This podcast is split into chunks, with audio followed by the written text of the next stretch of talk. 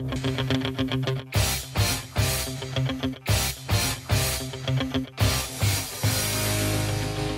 байцгаана уу сонсогчдоо. За манай Data Play podcast-ийн 4 дахь дугаар тавтаа мөрөл би би байна. Сайн байцгаана уу би уянгай. За өнгөрсөн дугаараар би судалгааны аргуудын талаар дэлгэрэнгүй ярьсан. Өнөөдрийн дугаараар асуулгын хуудас боловсруулалтын талаар ярив. Аа тэгэхээр судалгааны асуудал гэж яг үг хэлгэлээ. За судалгааны асуудал гэдэг нь бол тухайн зорилгын хүрээнд тий сонгогдсон аргачлалын дагуу мэдээлэл цуглуулах зорилгоор логик дараалтаа тэм зохиосон одоо асуултуудын багцыг хэлж байгаа тийм. Тэгээд судалгааны асуулт нь бол дотроо бүлгүүдтэй бүлгүүд нь дид бүлгүүдтэй тэгээд тэдгээр нь одоо аргаасаа хамаарат ямар ч бүтцтэй гэж болно тийм. За тэгээд хоёлоо ер нь жишээн дээр тайлбарлая явъя тийм. За за тэгэхээр хэдүүлээ сэтгэл хангамжийн судалгааг өнгөрсөн дугаар жоохон дэлгэрэнгүй үзсэн болохоор энэний жишээг аваа явчих. А сэтгэл хангамжийн судалгааны асуудлууд дээр бид нэр ерөнхий мэдээлэл, за судалгаанд оролцогчдын үндсэн одоо шин чанар, тэгээд үндсэн асуумжийн хэсгүүд гэсэн гурван ерөнхий хэсэгтэй. За тэгээд ерөнхий мэдээллийн хэсэг дээр бол бид яг манай бүтээгдэхүүнийг хэрэглэж байгаа хэрэглэгч мөн хэсэг, за ерөнхий судалгааны менежменттэй холбоотой асуултууд орж ирдэг жишээлх юм бол судалгаан авагчийн дугаар, авч уансаар өдөр, байршил гэх зэрэгээр. За энэ хэсэгт мөн шалгуур асуултууд орж иж болдог. А энэ нь бол ихэвчлэн одоо манай бүтээгдэхүүнийг яг ашиглаж байгаа хэрэглэгч мөн эсэх эсвэл одоо сүүлийн нэг 6 сард ч юм уу тий бүтээгдэхүүнээ ямар нэгэн байдлаар худалдан авалт хийсэх энэ нь болохоор нөгөө бүтээгдэхүүн худалдан авалттай холбоотой тухайн хэрэглэгчийн санах хойно одоо хэр тод байгааг ерөнхийдөө бол илэрхийлдэг байгаа юм. За тэгээд бүр төвөртэй холбоотойгоор хэрэв бид навжилсан одоо төвөр хийж байгаа бол нас хүйс ажил мэргэжил боловсролын хязгаарлалтуудыг оруулаад явдаг гэсэн үг. Аа. За судалгааны оролцогчийн шин чанарын хэсэг хоёр хэсэг нь тийм Энэ дээр бол оролцогчийн нас хүйс, боловсрал, ажил мэргэжил, орлогын төвшин, амьдрах орчин, за гэр бүлийн байдал, гэр бүлийн гишүүдийн тооч гэдэг юм уу те. Яг тухайн нөгөө нэг судалгаанд яаж нөгөө бид нэр сегментчлэх гэж байгаа тэрнээсээ хамаарат те мэдээлүүд нь өөр өөр байна гэсэн үг тийм үү. За тэгэхээр Үүний дараа бол үндсэн асуумжийн хэсэг орж. За үндсэн асуумжийн хэсэг бол яг тухайн сэтгэл хангамжийн судалгааны харгачилтайгаа бол шууд холбоотой. Тэгээд энэ сэтгэл хангамжийн судалгааг хэрэглэгч бүтээгдэхүүн одоо үйлчлэгийнх нь яг юунд нь сэтгэл хангамжтай байгаад байгаа, юунд нь сэтгэл хангамжгүй байгаад байгаа те тэр хүчин зүйлүүдийг тодорхойлох. Тэгээд ингээд цаашлаад үн хэрэглэгчдийнхээ бол одоо шин одоо үн хэрэглэгч болоход нь нөлөөж байгаа хүчин зүйлүүдийг тодорхойлох зэрэг ингээд задраад явна. Аха тэгэхээр энэ хэсэг маань ерөнхийдөө бол яг гол хэсэг байгаа тийм. Тэгэхээр энэ хэсэг дээр бид нэр яадаг вэ гэхээр одоо судлах судлах гэж буй бүтээгдэхүүн үйлчилгээнийхаа шин чанар за тэгээд түндэртэй холбоотой асуултуудыг ерөнхийдөө бол оруулж явдаг. За жишээлбэл өөрийн телефоны зах зээлийн хэрэглэгчийн сэтгэл хангамжийн судалгаан дээр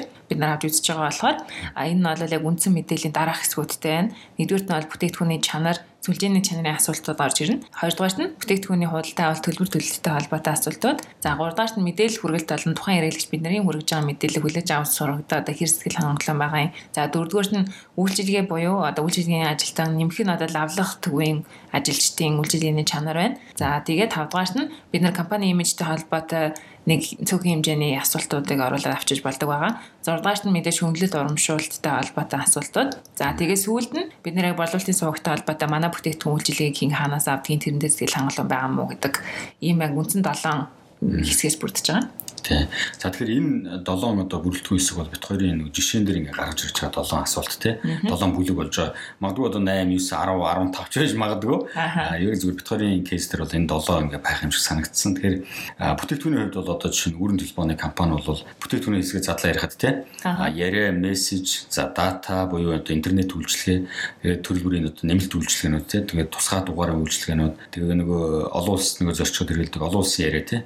Roaming үйлчилгээ гэдэг тий. Тэгээд мөн одоо дугаар худалдаа авах үйлчлэгээ ч гэдэг юм ингээд айгүй олон үйлчлэгээ бол байж болдог. Тэгэхээр эдгээр одоо бүх үйлчилгээнүүдтэй холбоотойгоор бид нар сэтгэл ханамжийн асуултуудыг боловсруулна гэсэн үг. Аа тэгээд сэтгэл ханамж маань мэдээж өмнөх дугаар дээр бид нар бас ярьжсэн нэгээс 5-аар үнэлнэ. Аа нэг нь бол маш сэтгэл ханамж маш багтай, 5 нь сэтгэл ханамж маш өндөртэй байна гэсэн юм үнэлгээтэйгээр явна. Гэхдээ 5, 7, 9 мэс ч гэж бас үнэлж болох бах тий. Тийм яг уу сэтгэл ханамжийн судалгааны аргачлалууд бол олон төрлийн байдаг л да. Яг ямар сэтгэл ханамж одоо ямар аргачлалыг ашиглаж байгаагаас хамаарна. Аа зарим нь болохоор нэгээс 10-аар үнэлсэн ч байдаг, нэгээс 7-аар үнэлсэн ч байдаг. Тэр бол яг тухайн байгууллагын сэтгэл ханамжийн ямар арга гарчлалыг авч ашиглаж байгаатай холбоотой гэсэн үг.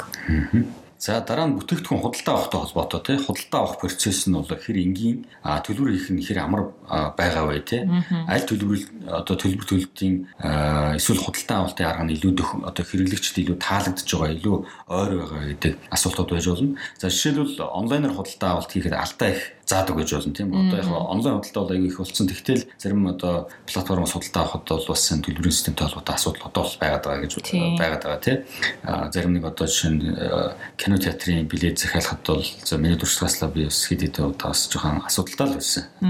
Тэгээ энэ бол одоо хэрэглэгчийг бол одоо заавал одоо салбар руу очих юм уу те ийм одоо юунд хүргэдэг одоо тийм нөхцөл байдалд хүргэдэг тэгээ энэ эргээд эргээд сэтгэл хангамжт нөлөөлнө те. Аа. Тийм тэгэхээр тухайн байгууллага хэрэглэгчид бүтээгдэхүүн үйлчилгээтэй холбоотой мэдээллийг ямар ямар сувгуудаар хүргээд байгаа.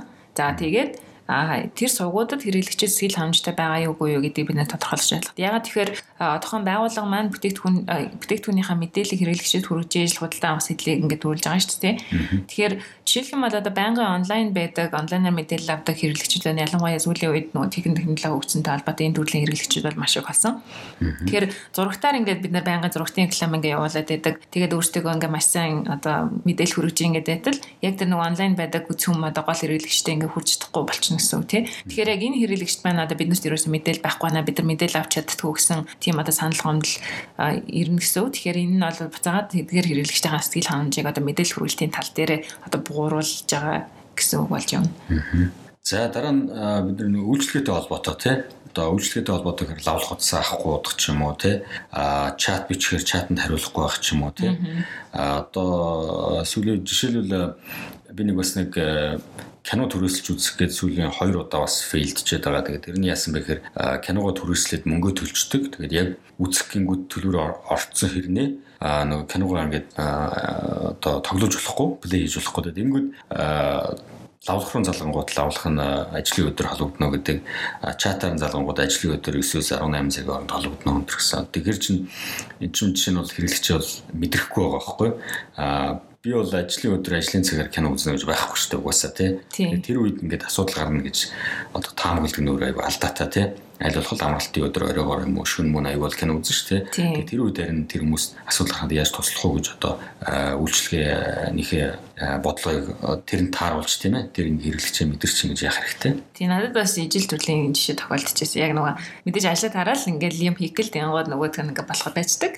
Тэнгууд ингээ бацаа холбогдгонд ажлын цагаар холбогдно гэдэг. Тэгэхээр тэр бол надад ингээ тохирохгүй. Миний сэтгэл хэмжээг нэлээд бууруулсан л та. Аха за тэгээд үүнтэй холбоотойгоор бид нар яаж юм хэрэг компани имижийн асуултууд бол орж ирж байгаа. А ялангуяа хэрэглэгчид одоо үед компанийн одоо нүүр царай тий компани имиж нь тухайн хэрэглэгчийн ингээ статусыг ингээ тодорхойлдог болсон тий. Жишээлбэл би одоо илүү байгальд ээлдэг бүтээгдэхүүн хэрэгэлд одоо үйлдвэрлэдэг тийм байгууллагын бүтээгдэхүүнийг хэрэгжилжээвэл би илүү одоо сэтгэл хангамжтай өөртөө бардам байх жишээний. Яг тэгэхээр би байгалыг ингээ ээлтэйгээр ингээ яагаад байгаа шүү дээ. Тийм. Тэгэхээр а ерөнхийдөө бид нэр яг нөгөө бүтээгдэхүүний нэр хүндэд одоо хэр сэтгэл хангамжтай байдгийг байгууллагын нэр хүндэд хэр сэтгэл хангамжтай байгаа юм. За тэгээд манай байгууллагад итгэл итгэл байгаа мөн үгүй мүү гэдгийг бид нэр энэс цаашаа ингээд олж бол болдог. За тэгээд А ялангуяа энэ маань цаашаа компани амлалтандаа хэр хүрдэг вэ гэдэг зүйлтэй ингээ холбогдоо явдаг учраас ер нь бол бид нэ байгууллагын имижтэй холбоотой хэд хэдэн асуултуудыг бол оруулж ирэх шаардлагатай болно. За тэгээд жишээлх юм бол сүүлийн үед ингээд нөгөө томоохон шагналын сантай урамшууллуудыг нэлээд зарладаг болсон тийм. Тэгэхээр нөгөө хэрэглэгчид жишээлх юм бол энийг одоо ингээ танилцалтаа өгдөг ч юм уу яадаг чинь тийм хөдөө ингээ сөрөг сэтгэлтэй байгаад ах юм бол тэр маань ингээ нөгөө тухайн хүний харах өнцгөд нөлөөлөд тухайн компанийн одоо итгэх итгэлийг нь бууруулад сэтгэл хангамжийг нь бууруулна л гэсэн. Аа одоо нэг тийм таалагдсан байгууллага чинь сүулдэ тэгэл за эдгээр угаасаа л нэг тийм чамбаа хүмүүс чамбаа компани тэгэхээр сайн юм хийсэн байж таараа гэдэг нэг тэгэд нэг санагдаад байдаг тий. Тэгдэг тийм. Тэр нэг нэг тэр бол одоо яг тэр нэг брэнд брэнд имижнээс тий. Тийм тэгэхээр яг тиймгүүд зүйлийг бид нэр хэрэглэгчтэй суулгаж чадсан байна уугүй юу гэдгийг бас хэдхэн асуултаар сэтгэл хангамжийн судалгаан дээр ингээд хандчихж болно. За дараагийн бит хоёрын нэг жишээн дээр гарч байгаа юм бол байгууллагын хөнгөлт урамшууллын систем тий. Тэгэхээр хэрэглэгч үнэнч болох тусам бол их хүлээлттэй болж эхэлдэг.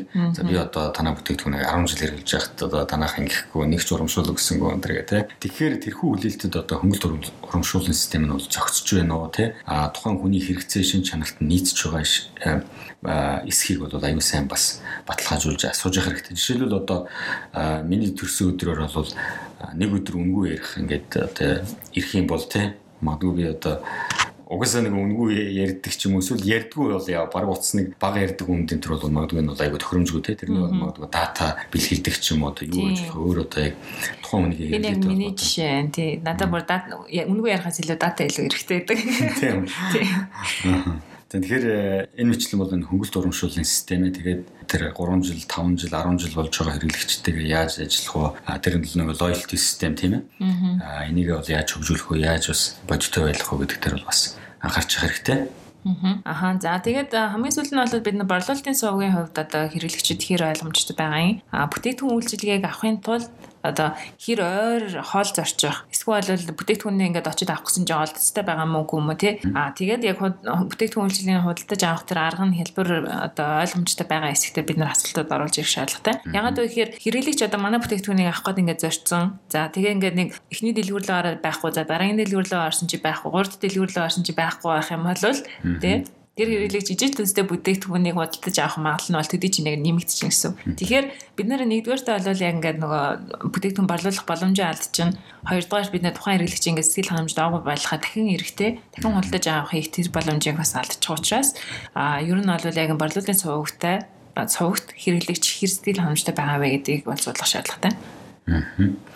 За саяын одоо 7 жишээн дээр одоо бид нэг битгээрийн гаргаж ирсэн үндсэн асуултуудын 7 бүрэлдэхүүнийг бол битгээр өөрсдөө тайлбарлаа тийм.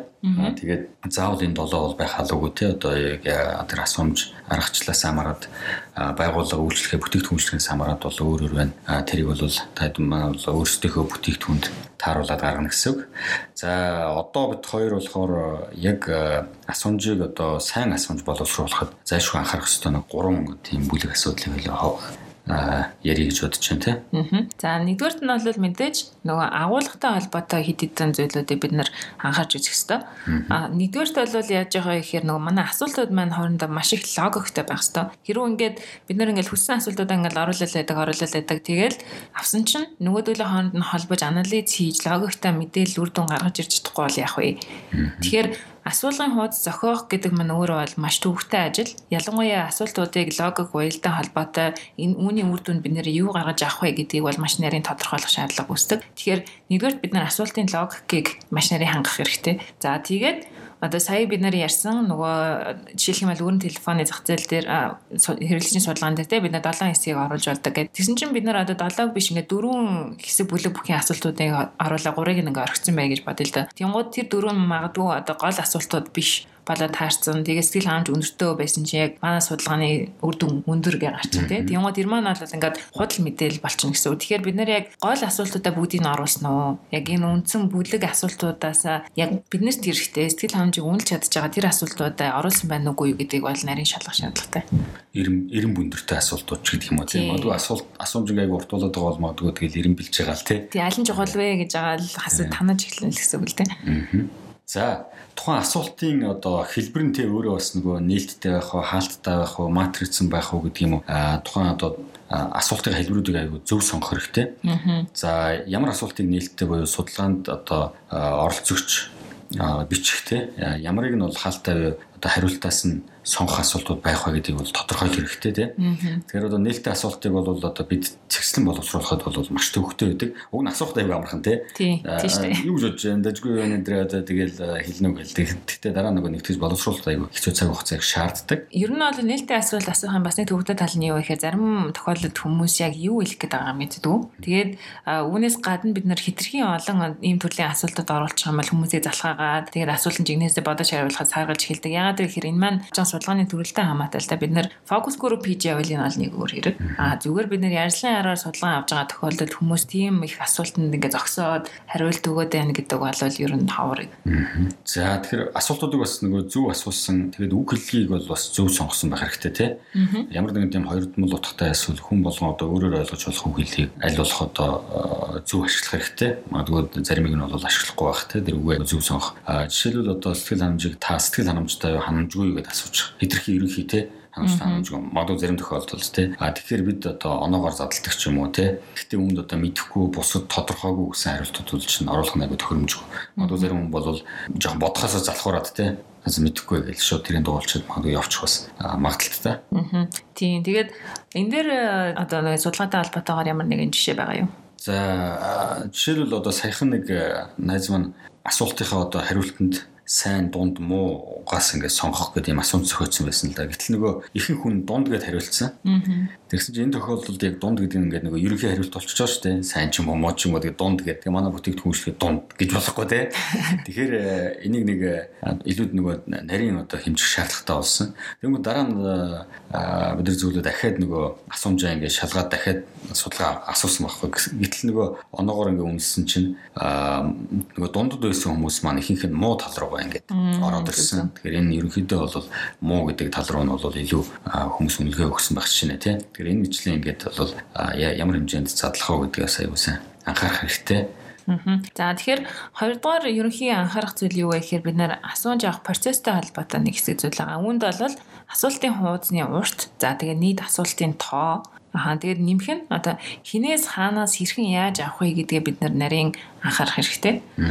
За тэгэхээр энэ дөр бол жишээлбэл э, одоо гадаа хүүтэнд ажилладаг хүмүүсээс бид нэр 30 минут асууж асууж чадах уу те тэр хүн айгүй тий ядаа хэцүү шүү дээ магадгүй годомжинд те өвөл э, хас 20 градус 12 сард те хас 20 градус байгаад бид нар годомд хүн зөксөө 30 минутын асууж авах гэж бараг бүтэхгүй те магадгүй 30 секундын дараа цаас би таарад байна би явлаа эсвэл айгүй хурдан халтурдаад ингээд бүглэгч жишээ нэ тий Тэгэхээр яг тэр нөгөө нэг асуумжийг хинээс авах гэж байгаа хаанаас авах гэж байгаа гэдэг тэр процесс аягүй сайн бодох хэрэгтэй.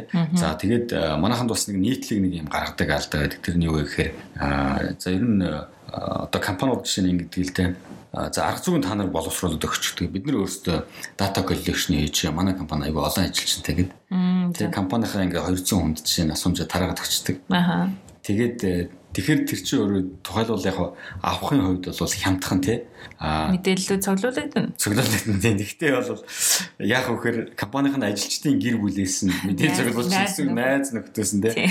Тэгэхээр тэр өөрөө ямар ч одоо хэрэггүй тийм нэг төвөр өөрөө ямар ч оновчлолтой биш. болж байгаа. Тэгэхээр энийг бол жишээ нь манай хэрэглэгчд бол бас нэлээд санал тавьдаг. Одоо яг нөгөө судалгааныхаа зардлыг жоохон багасгах гад тийм. За манахаас нэг 200 судлаач гаргач яагаад тэгээд тэр бол өөрөө боломжгүй тийм.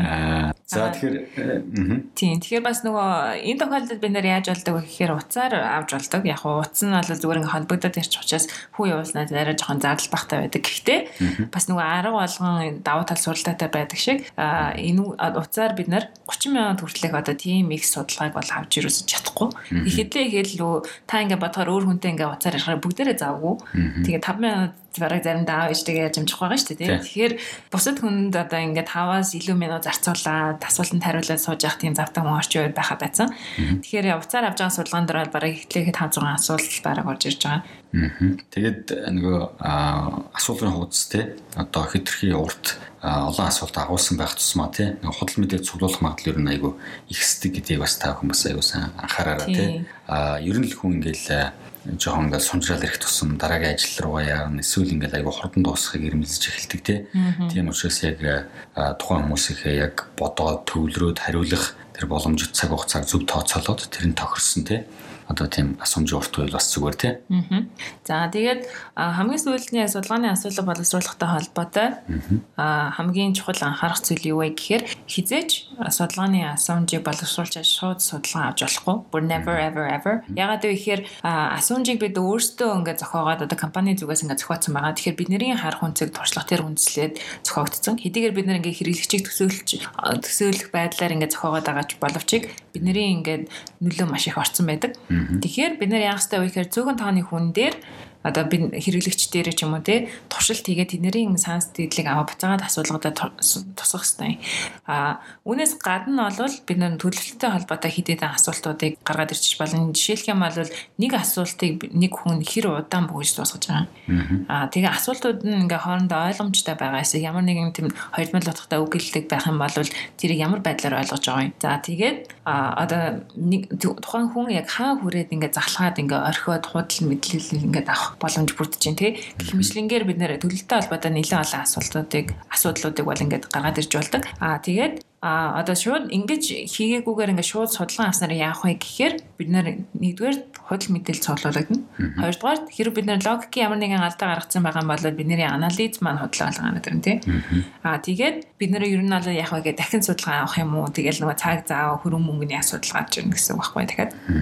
За тэгэхээр э, энэ бол ингээ ерөнхий ингээ гурван бүлэг ингээд зөвлөмжтэй баг анхаарах юм төр хэллээ. Одоо жишээ нь биднээс бас ингээд зөвлөмж авдаг ч юм уу одоо ингээд ямар нэгэн байдлаар ингээд манай найзууд ч юм ингээ холбогдоод яхаараа өөрсдийнхөө тэр боловсруулсан асуултаа айгу супер гэж боддог. Энэ бол бас айгу тийм бид нар өөрсдөө дандаа нэг юм дороо баястай болчдөг шүү дээ. Ингээл одоо өөрсдийнхөө бүтээсэн юм гэл айгу гоё гэл тэрийг энэ энийг л өөрөө тэрэндээ итгэцсэн тий өөрөө тэрэндээ дурлцсан. Тэгэл одоо бусцаас айгу хамгаалдаг тий. Тэгэхээр угсаал хүн чинь нөгөө өөрийнхөө хүүхд тайртай байдаг шиг л тий өөрийнхөө бүтээл болгоно хүн чинь хайртай байгаад байдаг. Аа тэгэхээр айгуу тийм туршилт их сонирхолгүй хин нэгний санаа бодлыг сонсох сонирхолгүй энэ ямар ингэ хэмжиж тех юм биш гэх тэрийг айгуу хамгаалдаг. Зүгээр баг энэ асуулаа үзэр та нар мэдээлэл зөвлөлөд өгөө гэдэг. Тий. Наа чинь болцоо шууд одоо чинь э, энэ бол яг одоо чинь болдог кейсүүд очингууд тий. Бид нар асуумж боловсруулсан. Бид нар арга зүйг гаргацсан. Гээл тэгэл та нар одоо мэдээлэл зөвлөлөд өгөө энэ. Тэгээд тэнгүүтэл ямар ч нэг туршаагүй асуумж яриад их. Тэгээд тэрийг яг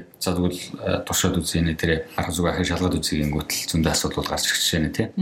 Тэгэхээр энэ саяын одоо агуулгын хувьд анхаарах тийм үү агуулга гаргаж байхдаа асуумжаа зохиож байхдаа агуулгынхнууд аягүй сайн анхаарах хоёрдугаарт нь бол асуумжийг авах процессыг аягүй сайн тийм тэрний иргэн тойрондох асуудлыг аягүй сайн анхаарах. Агуулгадугаарт нь бол туршил судалгааг заавал хийж байгаараа тий туршил судалгаагүй битгий ерөөс судалгаа хийж байгаараа тэгээд магадгүй ингээд зарим тохиолдолд ингээд химих гэж байгаад тий бүр судалгаагаа ингээд бүр чанаргүй болгоод үр ашиггүй зардалтай болох боломж бол аягүй их байдаг. Тийм учраас энэ дээр бол залхууралгүй тий чамбай одоо нээлттэй хандаж асуумжаа боловсруулж байгаараа гэж захимаар байна. Тэгээд асуумж бол одоо бид нар бол асуумж бол ер нь эзэж тийм амархан гарч ирдэг. Одоо ингээл бүх хүн адилхан ойлголттой байж байгаа л тийм асуумж ингээ хамтрал боловсруулмууд. Өө тэгээд тэгээд тэгээд нэг юм шиг юм гэж байхгүй.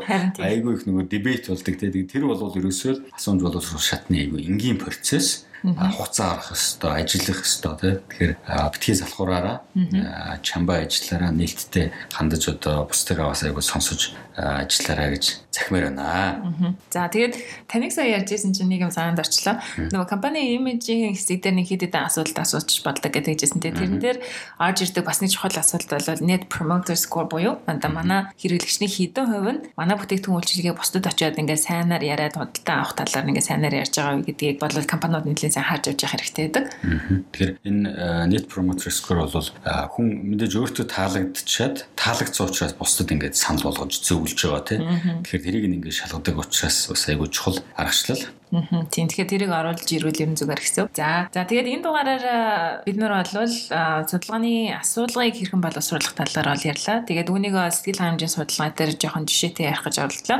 Тэгээд манай дугаарыг хүлээн авсан сонсонд баярлалаа. Та бүхэнд бас баярлалаа. Тэгээд таалагдсан бахаа гэж одоо найдаж чинь тий. Дараагийн дугаараар удахгүй уулзлаа. Түр баяртай сонсогчдоо. Баяртай. Баяртай.